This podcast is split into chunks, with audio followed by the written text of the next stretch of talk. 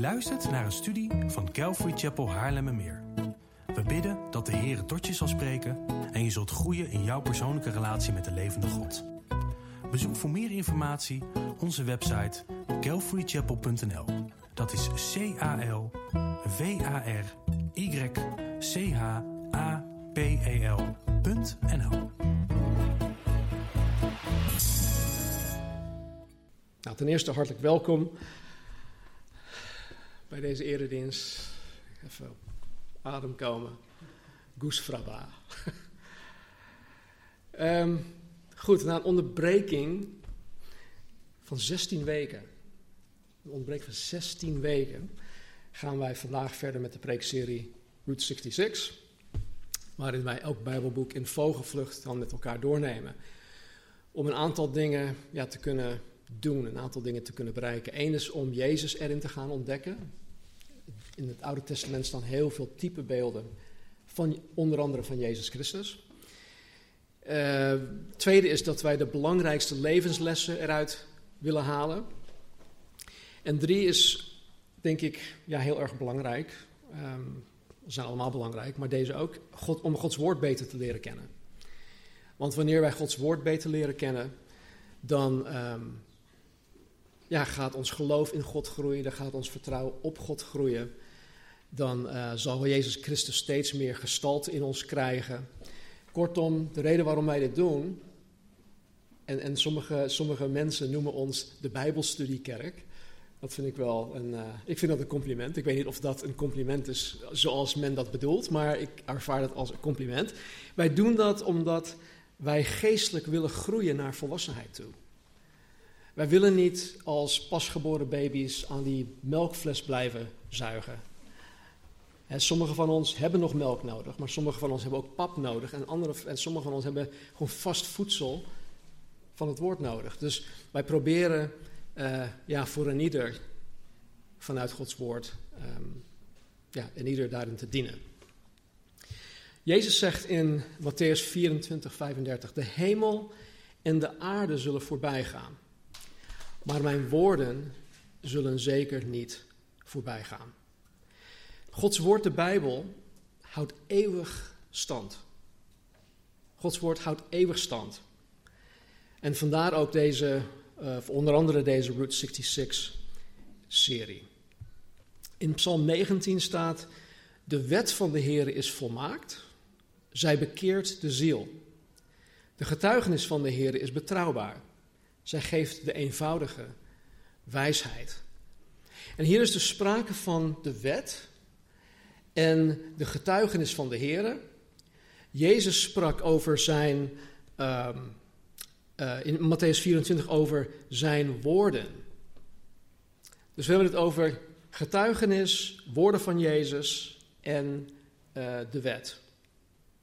In Psalm 119, ik weet niet of jullie dit ooit hebben gelezen, het is de langste psalm in het boek van de psalmen. Het is ook het langste hoofdstuk. Maar psalm 119 is een psalm dat voornamelijk over het woord van God gaat. En in die psalm wordt het woord van God verschillende dingen genoemd. Um, het wordt onder andere het um, Gods wet genoemd. Uh, het woord getuigenissen komt ook voor. Geboden, uh, bevelen, uh, verordeningen, bepalingen, beloften en ook zelf het woord woord. En de reden waarom ik dit aanhaal is omdat, um, ja, of, om aan te geven, is dat het woord van God, de Bijbel, uit meerdere benoemingen staat, bestaat. Uh, bijvoorbeeld dit. Waar God of Jezus in de Bijbel rechtstreeks tot de mensen spreken dan is het Gods woord. Waar er sprake is van de wet van Mozes of Gods wet, dan is dat Gods woord. Waar er sprake is van geboden of bevelen of verordeningen of bepalingen enzovoort, dan is dat Gods woord, de Bijbel. Dus waar in Psalm, 109, of Psalm 19,8 staat, wat we net hebben gezien, dat de wet van de Heer volmaakt is en de getuigenis van de Heer betrouwbaar, dan kunnen wij eigenlijk gewoon zeggen dat het woord van God, de Bijbel, volmaakt en betrouwbaar is. Al deze benoemingen verwijzen naar hetzelfde, naar het woord van God, de Bijbel. Nou, voor alles dat het woord van God voor ons betekenen kan, is het dus logisch dat wij naast onze uh, vers voor vers studies, waar Casper nu mee bezig is, uh, dat wij die vers voor vers boekenstudies doen, dat wij ook deze Route 66 studie doen. Want wat ik zojuist zei, het zal ons geestelijk doen groeien. En ik weet niet of, dit, of jullie dit al hebben ervaren. We zitten nu in de dertiende studie volgens mij. Nee, dertiende boek. Ik denk de 21ste studie vandaag. Door die boeken heen. Ik, weet dat ik getracht had om elke zondag één boek te nemen. Maar dat is met sommige boekjes dat een beetje uitgelopen. Um, maar ik hoop dat jullie in ieder geval ervaren dat jullie nu gewoon een veel breder beeld hebben gekregen van wat de Bijbel inhoudt. En dat je verbanden gaat leggen tussen boeken en, en, en, en, en dat soort zaken. Dat is wel de bedoeling. En dat je eigenlijk gaat begrijpen waarom je gelooft. Niet alleen wat je gelooft, maar ook waarom. Ik geloof dat um, de Bijbel zelf leert dat verklarend prediken, wat betekent het, het eruit halen wat erin staat, oftewel Gods oorspronkelijke bedoeling eruit halen en dat uh, verklaren of dat uh, uit te leggen. Ik geloof dat de Bijbel ons leert dat dat de manier is om Gods woord te lezen, om Gods woord te bestuderen, om Gods woord ook te onderwijzen. En het punt van de preek, namelijk, is het punt van de tekst. Het punt van de preek is namelijk het punt van de tekst. En wat ik daarmee bedoel, is dat als ik hier sta, of als Casper hier staat, wat wij brengen moet niet een verhaal zijn over de tekst die wij lezen, wat wij zelf denken. Nee, wij moeten eruit halen wat erin zit, een vertalingsslag maken naar het heden, en dat is het verklarend prediken van het woord. Dus het punt van de preek is, de, is het punt van de tekst. Het is zaak voor degenen die voorgaan in de woordverkondiging, en dat geldt niet alleen hier, ik geloof dat dat eigenlijk voor alle kerken geldt. Dat men Gods oorspronkelijke bedoeling van de tekst eruit haalt, het verklaart en het vertaalt naar een toepasselijke boodschap voor ons anno 2020. Even een uh, kanttekening, krijgen jullie gratis mee. Denk niet, dat is heel belangrijk, denk niet dat als men vers voor vers door de Bijbel heen gaat, dat dat per definitie verklarend prediken is. Het is een goed beginpunt om op die manier door de Bijbel heen te gaan, maar daar is meer voor nodig. Er is meer voor nodig om uit te komen op het punt van de preek is het punt van de tekst. Nou, als hierover vragen zijn, dan hoor ik het graag na de eredienst, want um, we gaan het vandaag over iets anders hebben. Uh, we pakken de draad op bij 1 Kronieken, het dertiende Bijbelboek. We hebben inmiddels Genesis tot en met twee koningen in vogelvlucht behandeld. En zoals uh, we gewend zijn geraakt, gaan wij de eerste dertien boeken nu al samen opnoemen. Jee, kom op. Genesis, Exodus, Leviticus, Numeri, Deuteronomium, Jozua, Richteren, Rut, 1 Samuel, 2 Samuel, 1 Koningen, 2 Koningen en 1 Kronieken. Yay! We krijgen het erin hoor, op deze manier. Alright, nou om een stukje context te geven. Um, vanaf Jozua bevindt Israël zich in het beloofde land. Het beloofde land Canaan. De, um, ja, en, en daar begint eigenlijk de officiële geschiedenis van Israël. De geschiedenis eindigt zo'n 980 jaar later met Nehemia, nadat Juda, dus niet de andere tien stammen, maar nadat Juda uit haar ballingschap is teruggekeerd naar Jeruzalem. En Esther, wat dan aan het einde staat uh, van de lijst, uh, dat is tijdens de ballingschap geschreven. Maar het, het, de historie of de geschiedenis van Israël eindigt eigenlijk aan het, met het einde van het boek Nehemia. Ik wist niet of jullie dat wisten. Ik denk dat als ik uh, de doorsnee kerkganger of christen vraag van joh, waar, wat is, wat is, ja, waarmee eindigt het Oude Testament? Dan zou iemand waarschijnlijk zeggen ja, Malachi, maar nee, het eindigt met Nehemia. Want al die andere boeken zijn overlays op de rest. Ehm, even kijken hoor. Ja. Um, in Jozua, Richten en Rut was er sprake van een, een theocratie. En waarin God dus rechtstreeks regeerde door middel van uh, een Jozua en ook de richters. In 1 Samuel wordt Saul als de eerste koning van Israël aangesteld. En vervolgens uh, zien wij dat koning David aangesteld wordt. En in 1 Koningen zien wij dat koning Salomo aangesteld wordt. Nou, na de dood van Salomo, als, als Gods straf voor een gruwelijke zonde, werd het koninkrijk van Israël verscheurd in tweeën. Werd gescheurd in tweeën, namelijk het noordelijk en het zuidelijk rijk. En het noordelijk rijk dat Israël genoemd wordt, dat bestaat uit de tien stammen. En het zuidelijk rijk dat Juda genoemd wordt, bestaat uit Juda en Benjamin. En tot en met koning Salomo was het rijk van Israël verenigd. En daarom noemt men dit dan ook het Verenigd Koninkrijk van Israël. De boeken uh, eh, 1 en 2 Koningen zijn een vervolg op de vertelling van 1 en 2 Samuel. Dus het is één lang verhaal, vanaf 1 Samuel, 2 Samuel, 1, 1 Koningen, 2 Koningen. Maar nu wij kronieken gaan behandelen, gaat de vertelling niet verder. Het gaat niet door.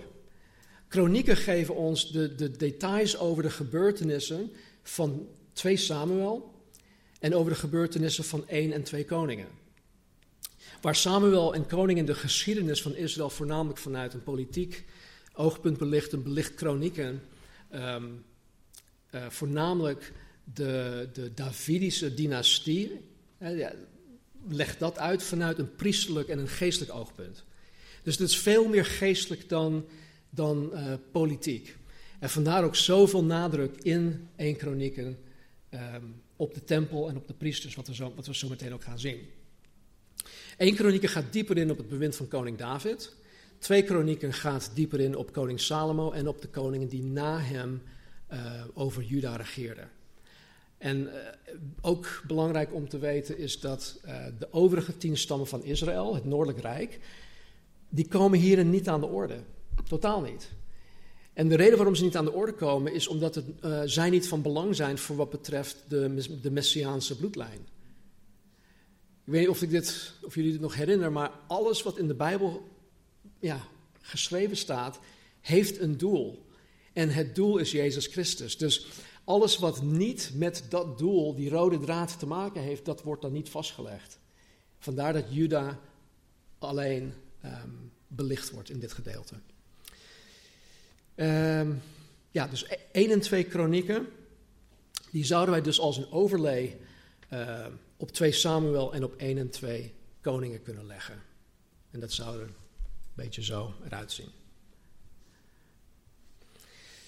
Nou, alhoewel de schrijver van kronieken dus niet genoemd wordt, uh, is er voldoende bewijs dat Ezra de priester, Ezra de schriftgeleerde, degene is die het um, geschreven heeft. Hij heeft ook Ezra geschreven.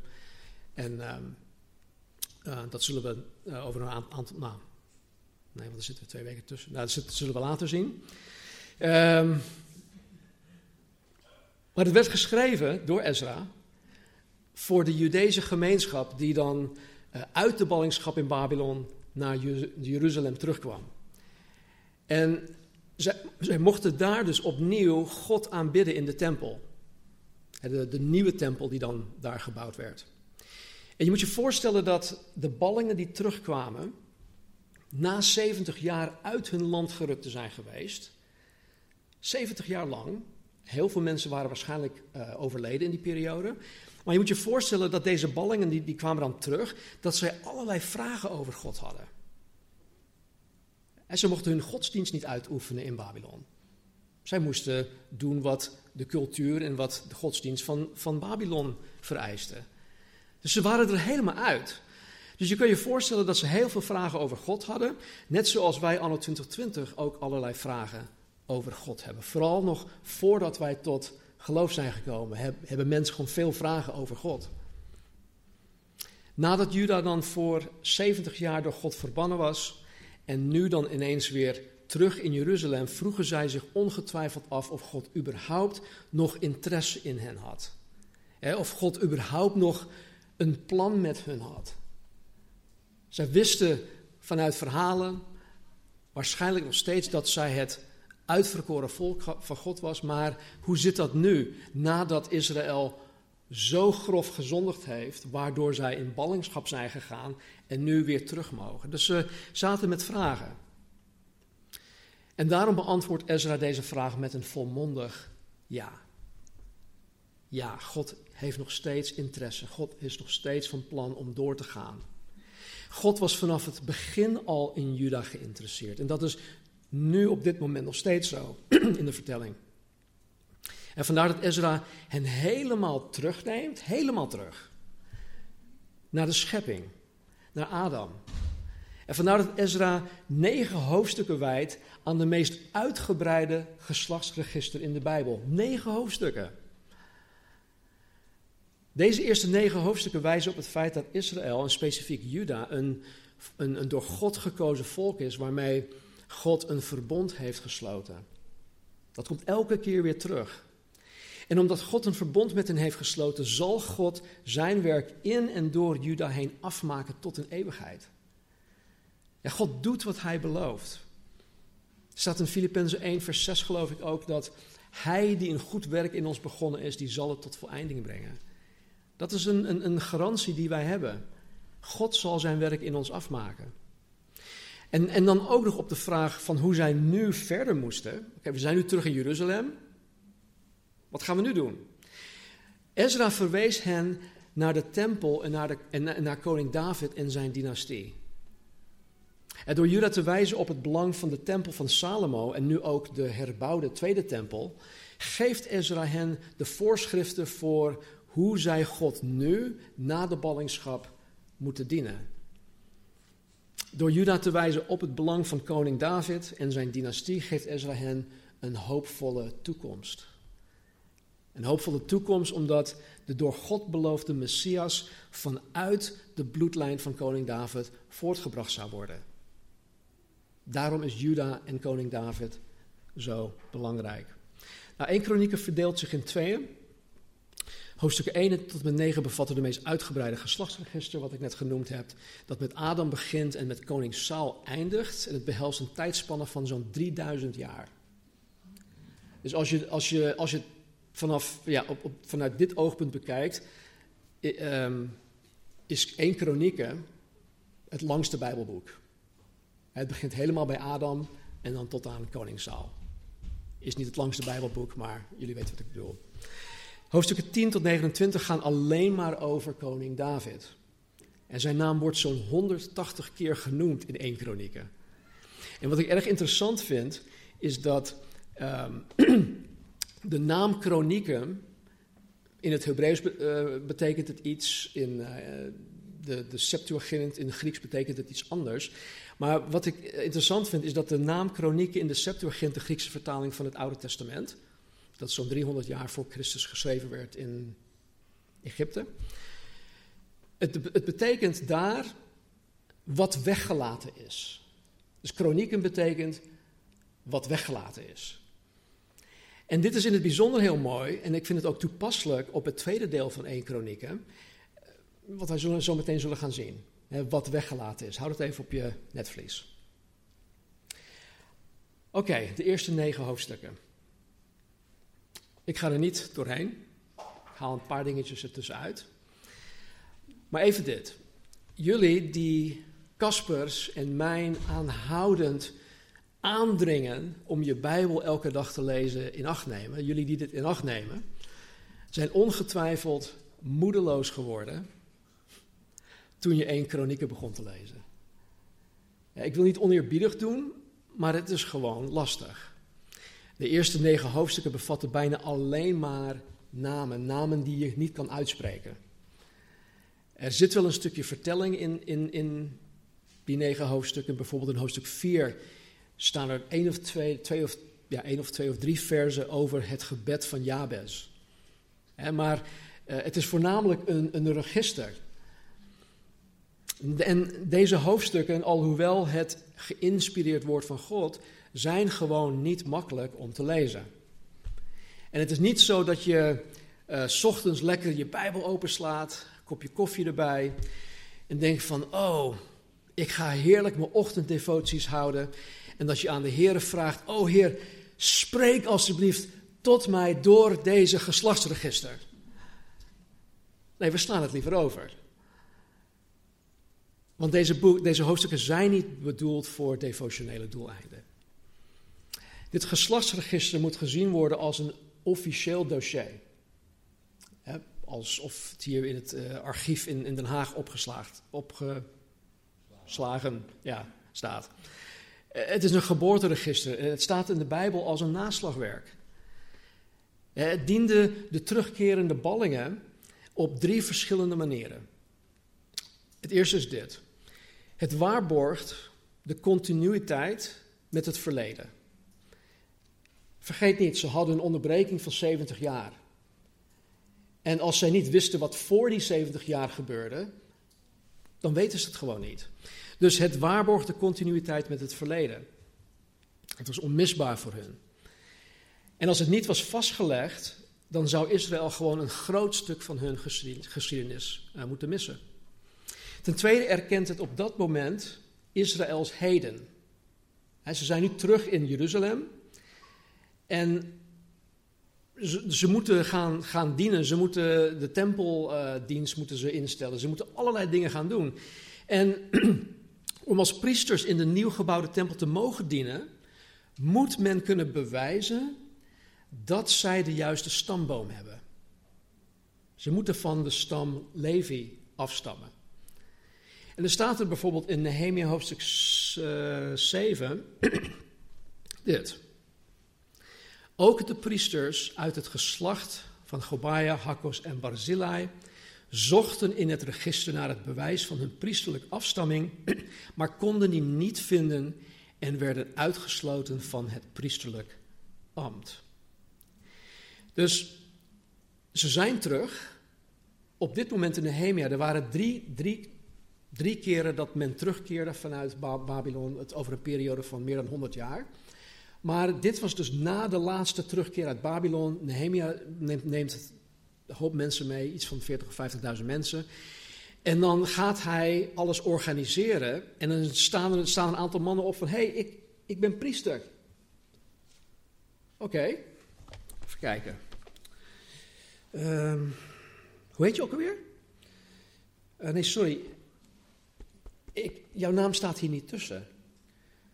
Dus jij kan niet bewijzen dat jij echt priester bent, dat jij afstand van, van Levi. Dus daarom was het zo belangrijk om ook in hun heden um, hun wegwijs, of ja, hun, hun, hun, hun te helpen. En ja, in dit geval zien wij dus diverse mannen die uitgesloten werden van het priesterlijk ambt, omdat hun namen dus niet opgeschreven stonden in dat register. Dus het is echt belangrijk. nou, ten derde, diende het geslachtsregister. Diende het geslachtsregister deze ballingen ook in de zin dat het hun uh, verzekerde, het gaf hun zekerheid, dat het, dit zijn moeilijke woorden, dat het Abrahamitisch verbond, het Mosaïsch verbond en dan ook het Davidisch verbond, dat wij in Samuel, uh, 2 Samuel 7 behandeld hebben, nog steeds van kracht zijn. Ze hebben 70 jaar lang gemist. Wat gebeurt er nu? Nee, die verbonden zijn nog steeds van kracht. En dat zij daardoor, door die verzekering, een hoopvolle toekomst hadden. Zij wisten het niet. want vanuit de bloedlijn van koning David zou de toen toekomstige Messias voortkomen. Wij kennen hem als Jezus Christus. Nou, vandaar dat het eerste boek in het Nieuw Testament, het Evangelie van Matthäus, met een dergelijk geslachtsregister begint. En de reden hiervoor is om te bewijzen dat Jezus inderdaad de lang verwachte Messias is. Matthäus schrijft voornamelijk aan Joden. En voor hun was dat gewoon echt uh, onmisbaar. Dus ja, het, het, lezen van de eerste negen hoofdstukken van 1 Kronieken is best wel lastig. Het is um, ja, niet oneerbiedig bedoeld, is het ook saai. Um, maar het, het, is zo omdat het niet bedoeld is om devotioneel gelezen te worden. Het is een, nogmaals een officieel register, het is een naslagwerk. En wij mogen God ook echt dankbaar zijn dat Hij ervoor gezorgd heeft dat het nauwkeurig door Ezra en door de schrijver en de, de, de schriftgeleerden voor ons is vastgelegd. Als je meer wil weten over het belang van een geslachtsregister in de Bijbel of deze geslachtsregisters in de Bijbel, ga naar onze website toe en uh, kijk naar de eerste studie van uh, Matthäus. Het is een inleiding. En ik, volgens mij heb ik het genoemd, uh, wat moeten wij met al die namen? Of zoiets. nou, deel 2. Hoofdstukken 10 tot en met 29. André, dit werkt niet echt goed. ik heb nu een blanco uh, beeldscherm. Reconnecting. Ah. Oké. Hadden jullie die al gezien of niet? Mm. Nee? Even kijken, slide 11 en 12. Oké, ik haal deze even weg. Ja. Alright. Um, deel 2, hoofdstukken 10 tot en met 29. Wat ik al zei, deze hoofdstukken draaien alleen maar om koning David. En twee dingen springen er bij mij uit. Wat weggelaten is, de naam van kronieken in de Septuagint, wat weggelaten is, en wat benadrukt wordt. Het grootste deel van zijn persoonlijke ervaring, ervaringen van koning David, die worden weggelaten. Die staan hier niet in vermeld. En um, even kijken. Denk bijvoorbeeld aan het verhaal van, van David en Goliath. Staat er niet in. Denk ook aan zijn uh, ballingschap door koning Saul. Hè, dat, dat koning Saul hem wilde vermoorden. 10 tot 15 jaar lang zat hij op de vlucht. Dat staat er ook niet in. Er staat niets in over de grot van Adulam. Er staat niets in over zijn overspel met Batseba en dat hij haar man Uria had laten vermoorden. En er staat ook niets in over zijn strijd met zijn eigen zoon Absalom. Maar wat me het meest opvalt hierover, is dat Ezra niet ingaat op Davids zonde met Batseba. Ik zou juist denken dat dat een belangrijke les zou moeten zijn voor de teruggekeerde ballingen. Hier kom ik zo meteen op terug. Nou, wat daarentegen juist wel benadrukt wordt, is het volgende. David wordt tot koning gekroond. Hij vormde een, een onverslaanbaar leger. En al zijn overwinningen worden, in, um, worden genoemd. Maar al deze zaken, die, die leggen slechts de basis voor zijn geestelijke ondernemingen. Dus hij moest al deze dingen eerst goed geregeld hebben voordat hij met het geestelijke verder kon gaan. David uh, brengt bijvoorbeeld de ark van het verbond naar Jeruzalem toe. Eh, dit, dit, is een, een geestelijke zaak. Want Gods aanwezigheid onder het volk was verbonden aan de ark. David, die zelf in Jeruzalem woonde, wilde dat God nabij was. En daarom bracht hij de ark van het verbond naar Jeruzalem toe. En ook zien we dat er acht hoofdstukken gewijd zijn aan Davids inspanningen om alle voorbereidingen te treffen voor het bouwen van de eerste tempel, die door zijn zoon Salomo gebouwd uh, zou worden. In het volgende stuk zien wij dan ook het hart van David.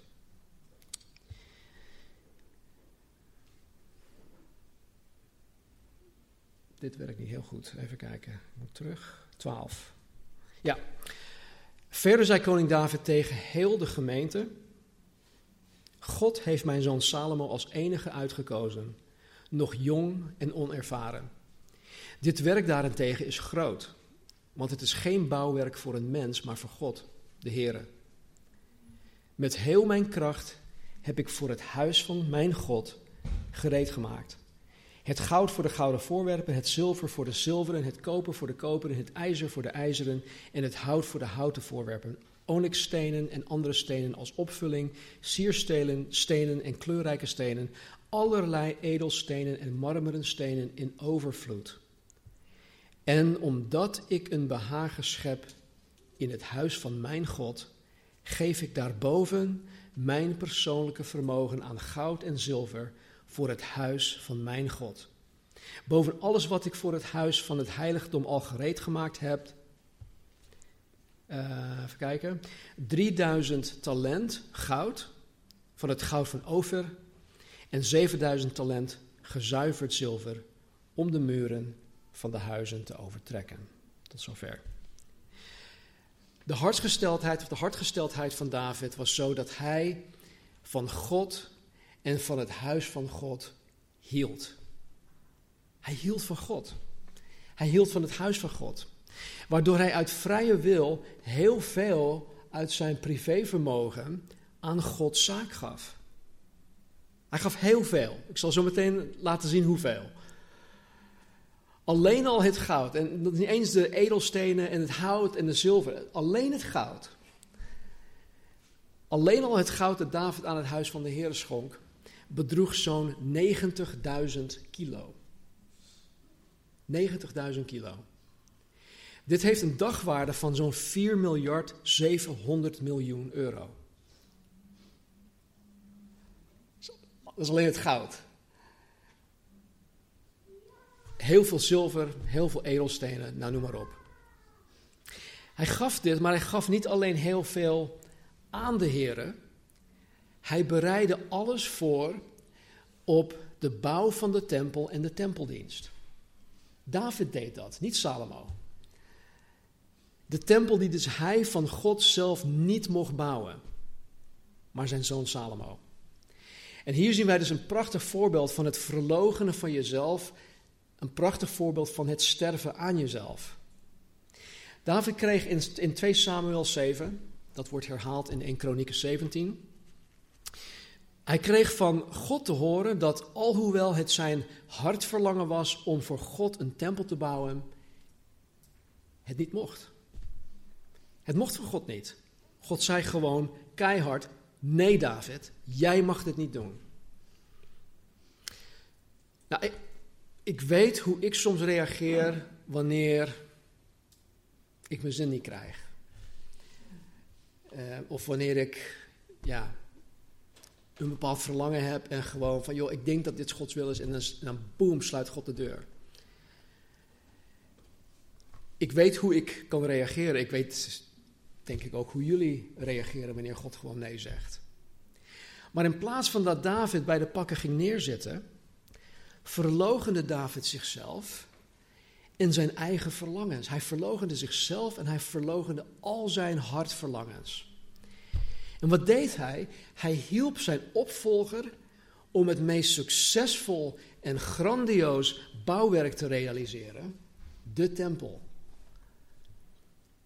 En ik vind het echt indrukwekkend om te lezen hoeveel tijd, energie en middelen koning David stak in iets, in iets dat hij zelf nooit zou zien. Hij zou het zelf nooit zien. Maar kijk wat hij allemaal gaf. Kijk wat hij allemaal deed om het voor te bereiden. Voor zijn zoon Salomo. En hij deed dit omdat hij meer van God hield dan van zichzelf. Weet je, als ik dit dan lees, dan kan ik er zoveel van leren. Ik heb jullie wel eens verteld, joh, mijn droom is om 25 Calvary Chapels hier in Nederland te zien. Mocht dat niet in mijn leven gebeuren, dus als ik ja, leef, eh, al, al houdt God het, wat mij betreft, bij de twee die er nu bestaan, ga ik niet zeggen van, oh, nou, nou er zijn er maar twee, nou goed, ik uh, blijf je gewoon lekker in de status quo en uh, ik blijf in onderhoudsmodus. Nee, ik ga me inzetten om die 25 te gaan realiseren. Of ik ze in mijn eigen leven mee zal maken of niet, dat doet er niet toe. En zo zag David het ook. Hij keek vooruit. En hij zette zichzelf daarvoor in. En dat heeft met zelfverloochening te maken. Het heeft met sterven aan jezelf te maken. Het heeft met jezelf op anderen te richten te maken. Op God te richten te maken. Wat kunnen wij hier veel van leren? Nou, er is één persoonlijk verhaal over David dat uh, dus wel hier in, hier in Kronieken benadrukt wordt. En dat is in hoofdstuk 21. In hoofdstuk 21 zet David de leiders van het volk ertoe aan om alle mensen te gaan tellen. Uh, weer een volkstelling. Er staat dit. Toen stond de Satan op tegen Israël. En hij zette David ertoe aan om Israël te tellen. David zei tegen Joab, zijn legerbevelhebber, en tegen de leiders van het volk: Ga Israël tellen van, Ber van Beersheba tot dan toe en breng mij de uitslag, zodat ik hun aantal weet. Nou, Joab, Joab, Davids legerbevelhebber, die was hier echt fel op tegen. Dat zie je in het verhaal. Want hij wist hoe God hier tegenover stond. Maar David, die, die drukte het gewoon door en goed, de volkstelling vond plaats. En we zien hier dat de Satan David hiertoe bewoog. Dit, dit, kwam niet bij God vandaan. Dit was niet een ingeving van God. Hij sprak niet door middel van, uh, ik denk dat zijn priester Gad heette. Dus David kwam er zelf mee omdat hij door de Satan werd verleid. En God wilde niet dat David op dit moment een volkstelling deed. Maar waarom dan niet? What, what's the big deal? God wilde dat David op hem vertrouwde. God wilde dat David op God vertrouwde en niet op het aantal strijdbare mannen. En hoe vaak bevinden wij ons dan niet in een situatie waarin God zegt: Nee, vertrouw nu alsjeblieft op mij. Vertrouw niet op je, je eigen inzicht of je eigen uh, gezond verstand of op wat dan ook. Mensen, middelen, geld, uh, contacten die je misschien hier en daar hebt. Van joh, uh, we regelen dat wel even. Nee, God wil dat wij op Hem vertrouwen. En als God andere dingen wil gaan gebruiken om zijn doel te bereiken, prima. Maar we moeten ten eerste altijd naar God toe. Want elke keer dat David een overwinning behaalde, was het omdat God hem de overwinning gaf. Dus het, het, aantal strijdbare mannen was gewoon niet relevant. Het deed er niet toe. En nu wordt David door de Satan verleid om zijn vertrouwen op God te gaan verschuiven naar het vertrouwen op het aantal strijdbare mannen. En God is hier absoluut niet van gediend. En hij gaf aan David de keus om voor zijn zonde drie, um, uit drie vormen van straf te gaan kiezen. Dus God zegt: luister, David, jij hebt gezondigd. Ik ben hier niet van gediend, ik ben hier niet blij mee. Jij mag nu kiezen uit deze drie strafvormen. En hij gaf dit. God gaf dit aan David. Drie jaar hongersnood. Je kan kiezen uit drie jaar hongersnood. Of drie maanden lang weggevaagd worden door je vijanden. Of drie dagen het zwaard van de Heere door middel van de pest in het land.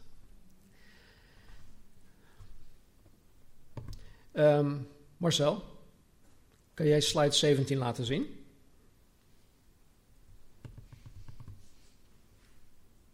Is dat 1 Koning 21, 13? Ja. Toen zei David tegen Gad, Gad was zijn, uh, zijn profeet, het benauwt mij zeer. De, keus die God, de keuzes die God aan hem gaf. Laat mij toch in de hand van de Heere vallen, want zijn barmhartigheid is zeer groot. Laat mij echter niet in de hand van mensen vallen. Tot zover. David koos het beste. Omdat hij wist dat God een barmhartige God is. Hè, wat later dan ook bleek. De Heer liet vervolgens de pest uitbreken. En het nam 70.000 levens. Ik, ik zou niet in Davids schoenen willen, willen staan. Dat door zijn toedoen 70.000 mensen omgekwamen waren. Ook zond de Heer een engel om verderf aan te richten in Jeruzalem. Dus een engel die, die was bezig, nou, hoop verderf, hoop, hoop kapot gemaakt. En de Heer zag de schade dat de engel verrichtte. En er staat dat uit zijn barmhartigheid beval God de engel om daarmee te stoppen. Stop nu, zei God tegen de engel. Stop. Stop daarmee. En wat hieraan zo boeiend is, althans ik vind het super boeiend, ik hoop jullie ook, is dat God de engel het bevel, het bevel gaf om zijn oordeel onmiddellijk te eindigen toen de engel bij de dorsvloer van Ornan de Jebusiet stond. Wat is een dorsvloer? Wie is Ornan en wat is een Jebusiet? Het oordeel stopte, het oordeel van God stopte bij de dorsvloer van Ornan de Jebusiet. Nou, dit is, dit is cruciaal. Nadat dit gebeurde, kocht koning David vervolgens de dorsvloer van Ornan de Jebusiet. En hij kocht het voor de volle prijs. Ornan was bereid, hij zei van, joh David, neem de runderen, neem dit, je mag het hebben. En David zei, nee, ik wil de volle prijs daarvoor betalen, want ik wil niet dat het mij niets kost om God te dienen. God dienen moet mij iets, moet mij iets kosten, zei David. En wat deed David? Hij kocht het voor de volle prijs. Hij bouwde op die plek een altaar en hij bracht brandoffers. Brandoffers zijn offers waarin wij onszelf helemaal aan God geven. En hij bracht dankoffers aan de Heer. Dus hij bouwde daar een altaar, hij, betaalde de, de volledige prijs. Hij bouwde een altaar en hij gaf zichzelf, zichzelf geheel en hij dankte God. Nu dit. De dorsvloer van Ornan stond op de berg Moria. De berg Moria waar Abraham zijn zoon Isaac moest offeren. Het was ook de exacte plek waar de tempel van Salomo gebouwd zou worden. En het is uiteindelijk ook de plek waar Jezus Christus jaren later gekruisigd zou worden. Koning David, die een typebeeld van Jezus Christus is, kocht de dorsvloer voor de volle prijs. Jezus betaalde ook de volle prijs voor jou en voor mij. De volle prijs. En toen hij later op exact dezelfde plek voor onze zonden aan het kruis de losprijs voor ons betaalde. En hij de doodstraf op zich nam die wij eigenlijk verdienen. De offers welke op exact dezelfde plek zou plaatsvinden in de nieuwe tempel, verwezen, verwezen ook naar Jezus en zijn ultiem offer aan het kruis. En mensen, dit zijn geen toevallen. Met God bestaat toeval niet.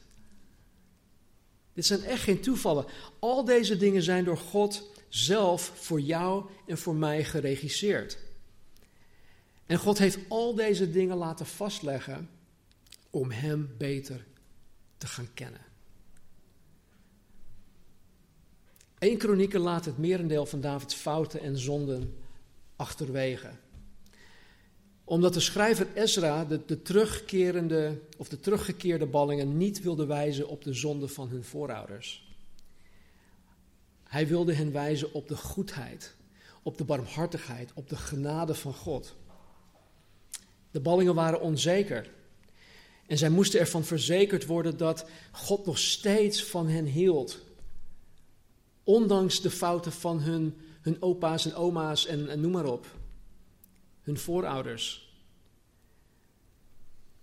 Zij moesten er verzekerd van worden dat God zijn verbond met hen niet was vergeten. En dat God een hoopvolle toekomst voor hen in petto had. Met de komst van Jezus Christus, die uit de bloedlijn van koning David voort zou komen. En voor ons geldt hetzelfde. Ten eerste om tot bekering en, en geloof te kunnen komen, moeten wij eerst tot het besef komen dat wij hopeloze zondaren zijn die een redder en verlosser nodig hebben. Een redder en verlosser die onvoorwaardelijk van ons houdt, die een plan voor ons heeft, die ons eeuwig leven wil geven. Deze redder en verlosser is Jezus Christus.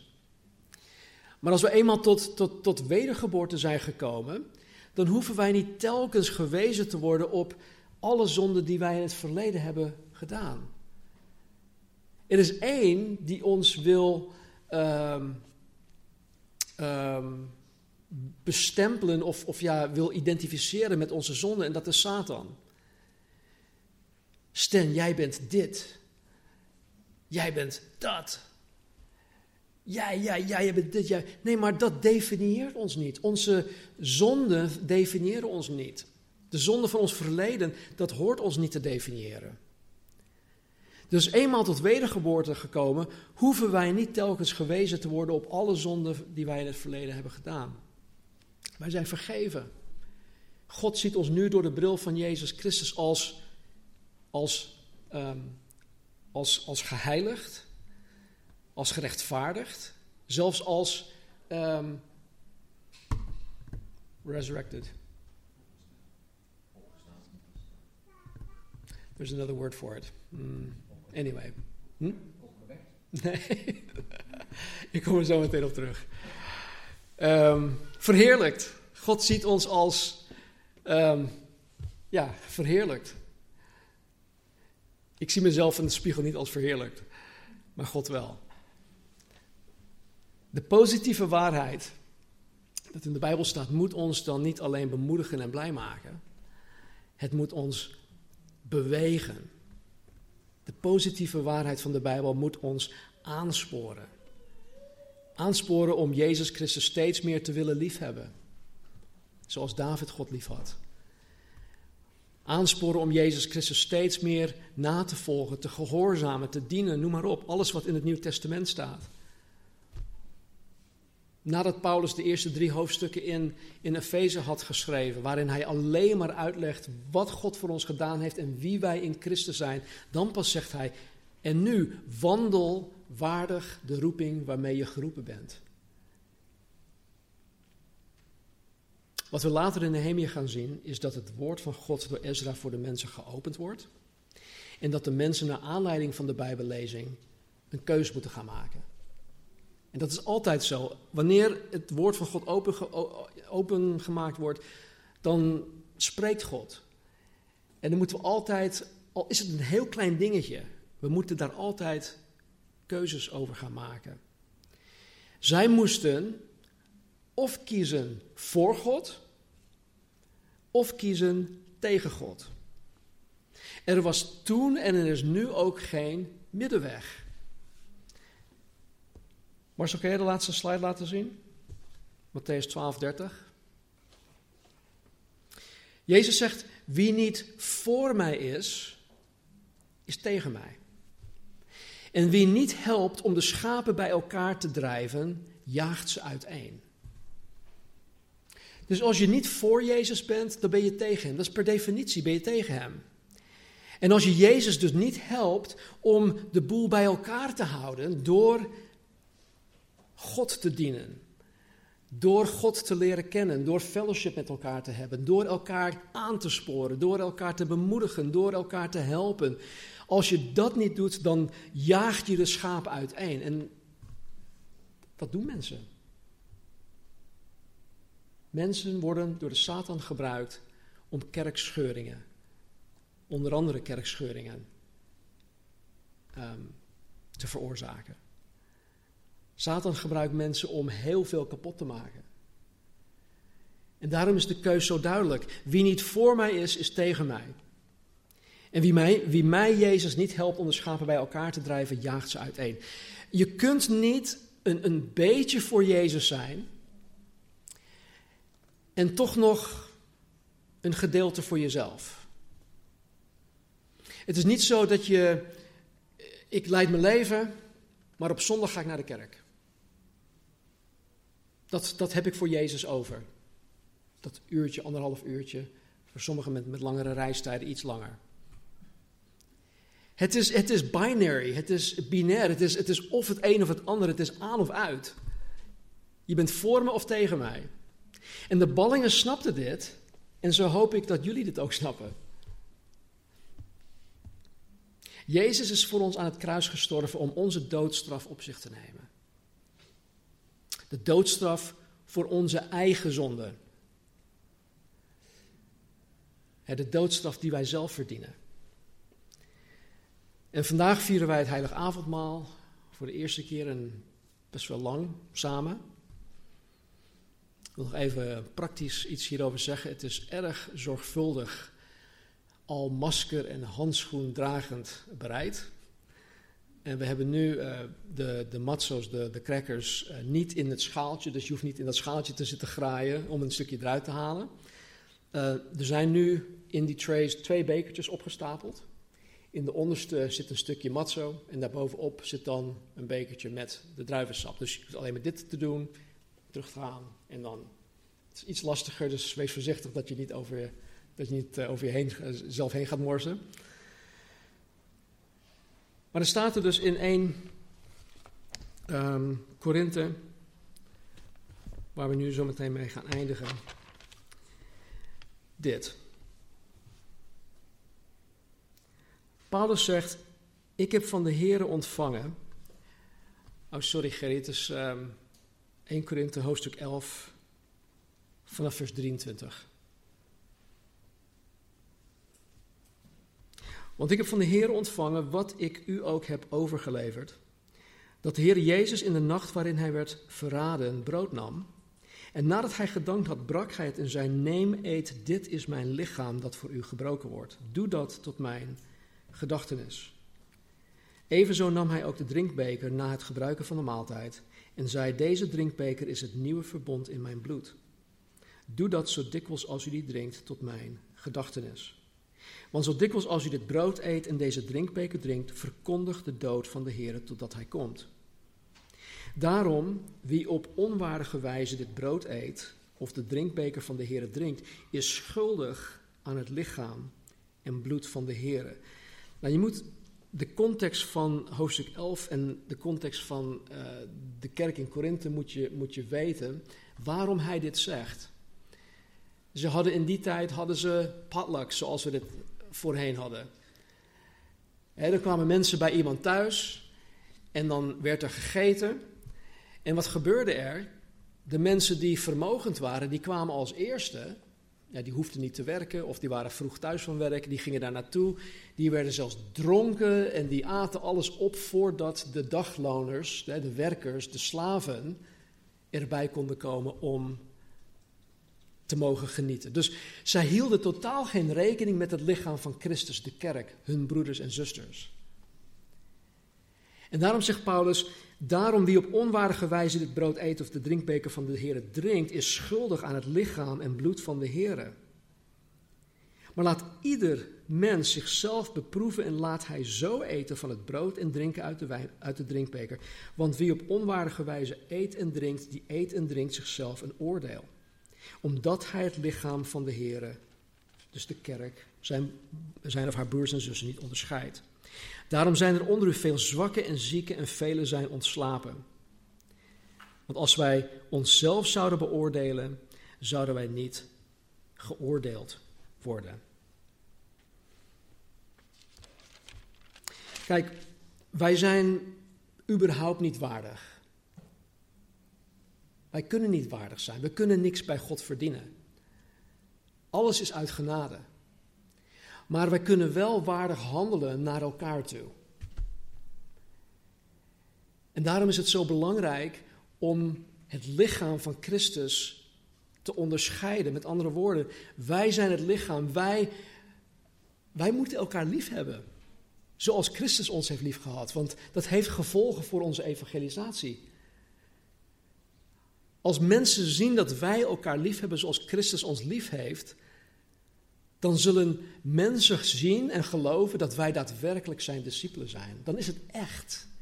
En wat heeft de wereld nu echtheid nodig? De wereld zoekt naar echtheid. En wij mogen dat zijn. En hoe meer fellowship we hebben met elkaar, hoe meer wij geslepen worden aan elkaar, hoe meer wij gesnoeid worden doordat er misschien ook wrijvingen en wat dan ook uh, ja, aan de orde komt, hoe meer wij kunnen worden veranderd naar het beeld van Christus. Kijk, als ik in mijn eentje christen ben, dan, dan kom ik nooit in situaties terecht waarin iemand bijvoorbeeld het bloed onder mijn nagels, nagels vandaan haalt. En als iemand het bloed onder mijn nagels vandaan haalt, dan is er iets mis met mij, want ik moet daarmee dealen. Ik moet daarmee naar God toe. Maar ja, ik, kan, ik kan heerlijk in mijn eentje christen zijn. Oh, ik ben een geweldige christen als ik, als ik alleen ben. Je moet me in mijn, je moet me in mijn kantoortje zien. Dan ben ik een superchristen. Ik heb acht bijbels open, openstaan. Ik heb, nou, ik heb allerlei tabs open, openstaan op mijn, op mijn computer. Alleen maar met God bezig. Man, ik ben een superchristen. Maar mijn christen zijn wordt juist bepaald wanneer ik onder de mensen ben. Wanneer ik mijn leven mag delen met anderen. Wanneer ik toelaat dat andere mensen hun leven met mij delen. Zo heeft God het bedoeld. Daarom volhardde de eerste gemeente ook in de fellowship. En daarom ben ik ook zo blij dat zoveel van jullie ook meedoen aan de online fellowships. Het is echt een, een zegen. Ik had afgelopen donderdag had ik niets voorbereid, want ik was in Friesland een paar dagen. En ik dacht van, oh jee, we hebben niks voorbereid. Maar goed, er waren wat nieuwe mensen in onze groep gekomen. Dus ik zei, hey, laten we jullie getuigenissen horen. En weet je, het was zo gaaf dan om drie nieuwe getuigenissen te mogen horen. En dan dat wij vervolgens um, afsloten met een stukje uit Filippenzen. Maar het is, het is gewoon prachtig om die interactie te zien tussen mensen. En wij mogen elkaars lasten dragen. We mogen elkaars vreugde delen. En um, het is gewoon mooi. Anyway, dit is mijn plug voor de, de door online fellowships. Um, maar denk niet dat je, we ons waardig moeten maken van, oh, ik moet nu waardig zijn. Nee, dat, dat kan niet. Wij zijn niet waardig. En als jij vanmorgen een, een, navolger van Jezus Christus bent, dan ben je van harte welkom om deel te nemen aan het avondmaal. Als jij vanmorgen een navolger van Jezus Christus wil zijn of worden, beleid dan dat je een zondaar bent. Voor velen is het heel moeilijk. Voor mij was het niet zo moeilijk. Ik ken mezelf. Beleid dat je een zondaar bent. Bekeer je van je oude leven, waarin je totaal geen rekening met God hield. En bekeer je tot een levende relatie met God. Beleid dat je in het volmaakt offer van Jezus Christus aan het kruis gelooft. Dat je gelooft dat Jezus voor jou aan het kruis, jou persoonlijk, al was jij de enige, dat Christus voor jou aan het kruis is gestorven en dat hij op de derde dag uit de dood is opgestaan. Als, als jij dat bent vanmorgen, voel je vrij om deel te nemen. Laten we bidden. Heere God, dank u wel dat u zo ver gegaan bent om ons niet alleen kronieken te geven, maar Heer, maar dat u ons ook wijst op het belang van het geslachtsregister. Het belang van koning David en zijn dynastie en het verbond dat u met hem gesloten hebt. En dat u, hebt, u het hebt vastgelegd voor ons, zodat wij zeker kunnen weten dat Jezus Christus inderdaad de lang beloofde en de lang verwachte Messias is. Want het is vastgelegd. Het is officieel. Dank u wel dat wij niet zomaar blindelings, Heer, op, op iets of iemand geloven. Heer, we hebben een redelijk geloof. Wij zijn niet dom. Wij, wij doen niet achterhaald. Heer, u hebt het gegeven. Dus Heer, open ogen waar de ogen nog gesloten zijn. Open harten die nog gesloten zijn. Verzacht harten die nog verhard zijn. Vervang stenen van hart met stenen van vlees. En beweeg mensen, heren, om u, u te zien voor wie u daadwerkelijk bent. Maak uzelf kenbaar. Toon uzelf krachtig. En trek, Vader, trek mensen naar u toe. Tot een levend geloof in Jezus Christus, de levende God van de Bijbel. Dus hier, wanneer we zometeen het heilige avondmaal mogen nuttigen, Heer, help ons om stil te staan bij het feit wat u, Jezus, voor ons gedaan hebt. Maar dat u niet in het graf gebleven bent, maar dat u op de derde dag opgestaan bent uit de dood. En dat u nu aan de rechterhand van de Vader gezeten bent. En dat u elk moment ons op komt halen. O Heer, wat zien we uit naar dat moment. Dat u uw kerk tot uzelf zal nemen. Heer, help ons om dan ook echt verwachtingsvol te zijn. En in verwachting te leven. Heer, want we zullen u zien zoals u bent. En dan zullen we ook meteen weten wat wij zullen zijn. En wij die die hoop hebben, Heer, zullen onszelf reinigen zoals u, u rein en puur bent. Wat een motivatie. Dank u wel. Dus help ons. Laat de Satan ook niemand um, weerhouden door schuld op te leggen. Maar help ons om onszelf te zien door de bril van Jezus Christus. Dank u wel. Amen. Um, Marnie gaat het zo meteen open doen. Uh, ik wil jullie vragen wanneer de, het uh, aanbiddingsteam ons gaat begeleiden. Dat jullie, wanneer je naar voren toe komen, dat je al rekening houdt met afstand. Maar neem het gewoon terug naar je eigen plek. Uh, man en vrouw, als jullie ja, echtparen, bid ook met elkaar. En voor elkaar. En dan zal ik, ehm, voordat we de dienst afsluiten, zal ik nog even terugkomen.